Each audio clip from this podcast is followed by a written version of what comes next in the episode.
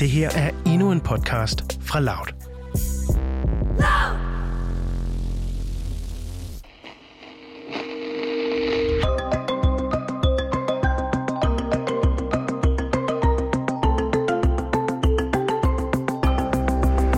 Du lytter til Udsyn. Din vært, Pola Roshan Bakker. Selv hvis du nu ikke er typen, der sådan kværner dæksamlinger på stribe, så har du formentlig hørt om Tove Ditlevsen. Om ikke andet, så har du sikkert set den berømte scene fra filmen Blinkende Lygter. En øh, eftertænksom kultkomedie fra år 2000. Og den er netop opkaldt efter digtet af Tove Ditlevsen af samme navn. Hvad var det, du sagde, den hed? Blinkende lygter af Ove Ditlevsen.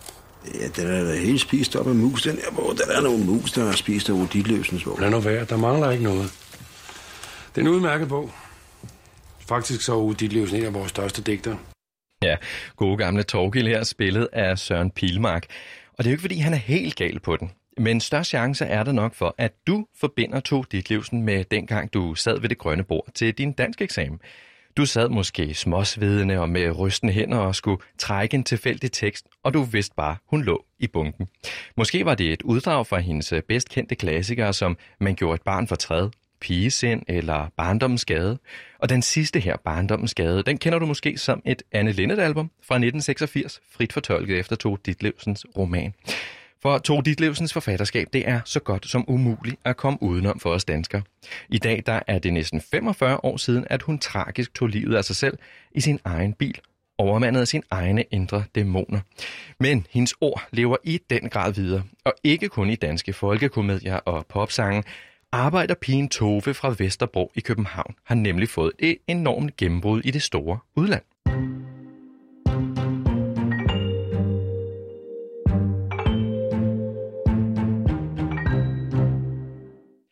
Tre af Tove Ditlevsens romaner er lige udkommet i USA under den samlede titel The Copenhagen Trilogy, eller Københavner-trilogien, kunne man sige. Og dagens afsnit af Udsyn, det er en kulturspecial, og sådan bliver det hver fredag fremover. I dag, der dykker vi ned i Ditlevsens voksende internationale publikum, for hun hitter lige nu i både USA, Holland og Tyskland, og flere steder, der har hun ramt bestsellerlisterne. Men så hvad er det ved gode gamle Ove Ditlevsen, der gør hende interessant for det store udland? Vi søger svaret.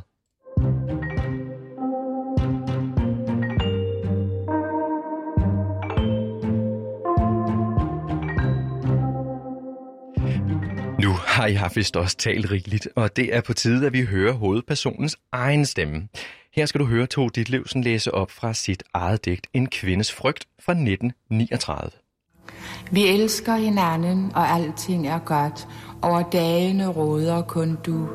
Men måske vil du elske en kvinde en gang, der ikke er født endnu. Du siger, jeg er sød, og du kysser min mund. Jeg stryger dit mørke hår. Men af alt, hvad jeg ved, er det sikreste det, at lykken skal knuses af år. Og alt det, du elsker og knæler for nu, og drømmer og længes og ved, skal visne og falme og svinde og dø i glemsels uendelighed. Ja, Tove Ditlevsens romaner og digte står lige nu for at blive udgivet i ikke færre end 19 forskellige lande. Og det her internationale benarbejde, det er noget forlaget Gyldendal står for i samarbejde med lokale forlag rundt omkring i, i verden. Men interessen, den kommer i høj grad fra helt almindelige læsere i udlandet. Det forklarer i hvert fald Lise Dam. Hun er litterær agent hos Gyldendal. Vi kan se, at når hun rammer nye markeder, så rammer hun hitlisterne med det samme. Hun ligget, det seneste år har hun ligget på hitlist eller bestsellerlisten i Holland. Øh, hendes bøger er lige udkommet i Tyskland, der røg hun ind på Spiegel bestsellerlist med det samme. Altså det vil sige, at læserne køber hende faktisk også, og de vil hende. Det er ikke bare anmeldelser, der kommer. Der er faktisk øh, budskabet kommer ud. Lise Dam her, hun peger på, at Tove Ditlevsen frem for alt er nem at relatere til for mange nye læsere. Altså, hun skriver simpelthen på en meget enkel måde, uden for mange nørklede sætninger, og hun skriver om nogle tidløse emner, som de fleste almindelige mennesker kan genkende fra deres eget liv. Og det er en del af årsagen til, at hun hitter hos mange unge læsere. Det forklarer Lise Dam.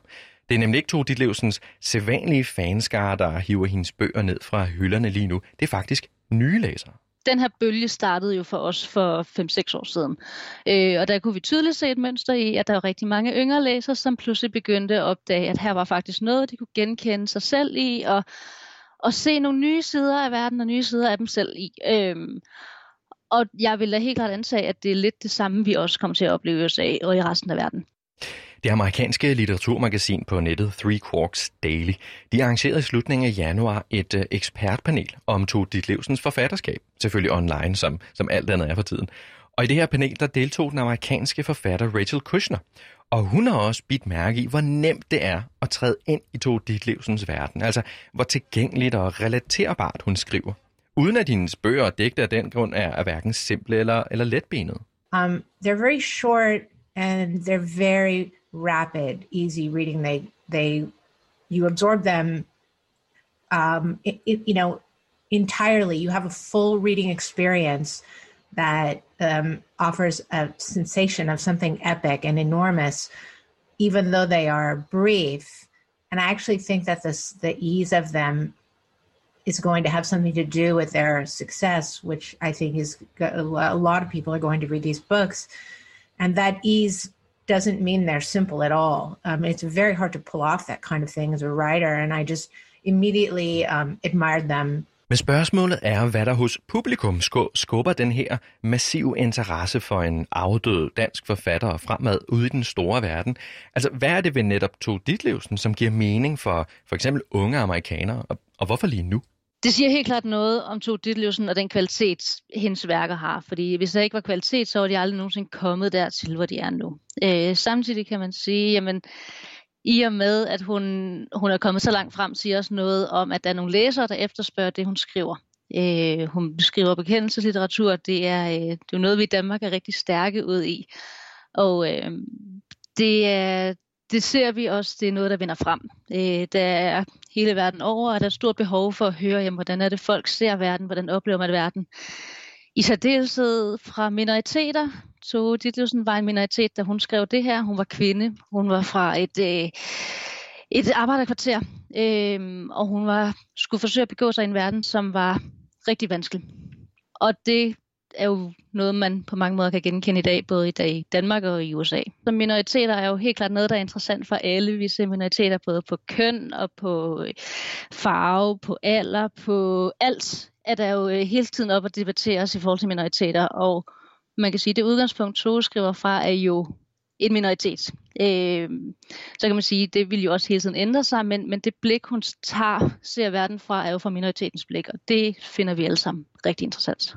Og det var altså Lise Dam fra, fra Gyldendal, der talte her. Men Tove Ditlevsens amerikanske oversætter, han hedder Michael Goldman, og han er musiker og forfatter i USA. Og han tilbragte faktisk dele af sin ungdom i Sønderjylland på en, på en lille gård. Og det er fordi, han havde en dansk kæreste her for 30 år siden, og det var her, han lærte at, at tale dansk og skrive dansk. Og Michael Goldman sad også i det her ekspertpanel i slutningen af januar hos, hos litteraturmagasinet Three Quarks Daily, som jeg nævnte for lidt siden. Og i det her panel, der gav Michael Goldman sin forklaring på, hvad det er, Tove Ditlevsen kan, kan tilbyde nutidens læsere på tværs af lande og kulturer. Og han peger på, at hun kan inspirere, fordi hun som privatperson, altså ikke som forfatter, men som Tove fra Vesterbro, kæmpede en hård kamp hele sit liv igennem. Fordi Tove Ditlevsen overvandt en hård barndom, netop takket være sin evne til at skrive, siger Goldman. Og gennem litteraturen, der blev hun en af de ganske få kvinder på forfatterscenen dengang. Og ikke mindst, så kæmpede Tove Ditlevsen i mange år mod sine egne personlige dæmoner i form af stofmisbrug og alkoholisme. Og det er inspirerende for rigtig mange mennesker, mener Goldman.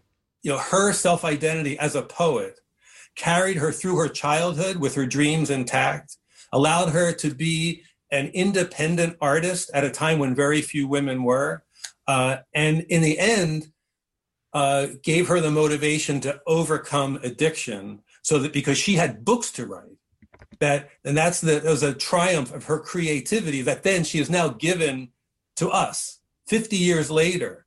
So that so we can be inspired by that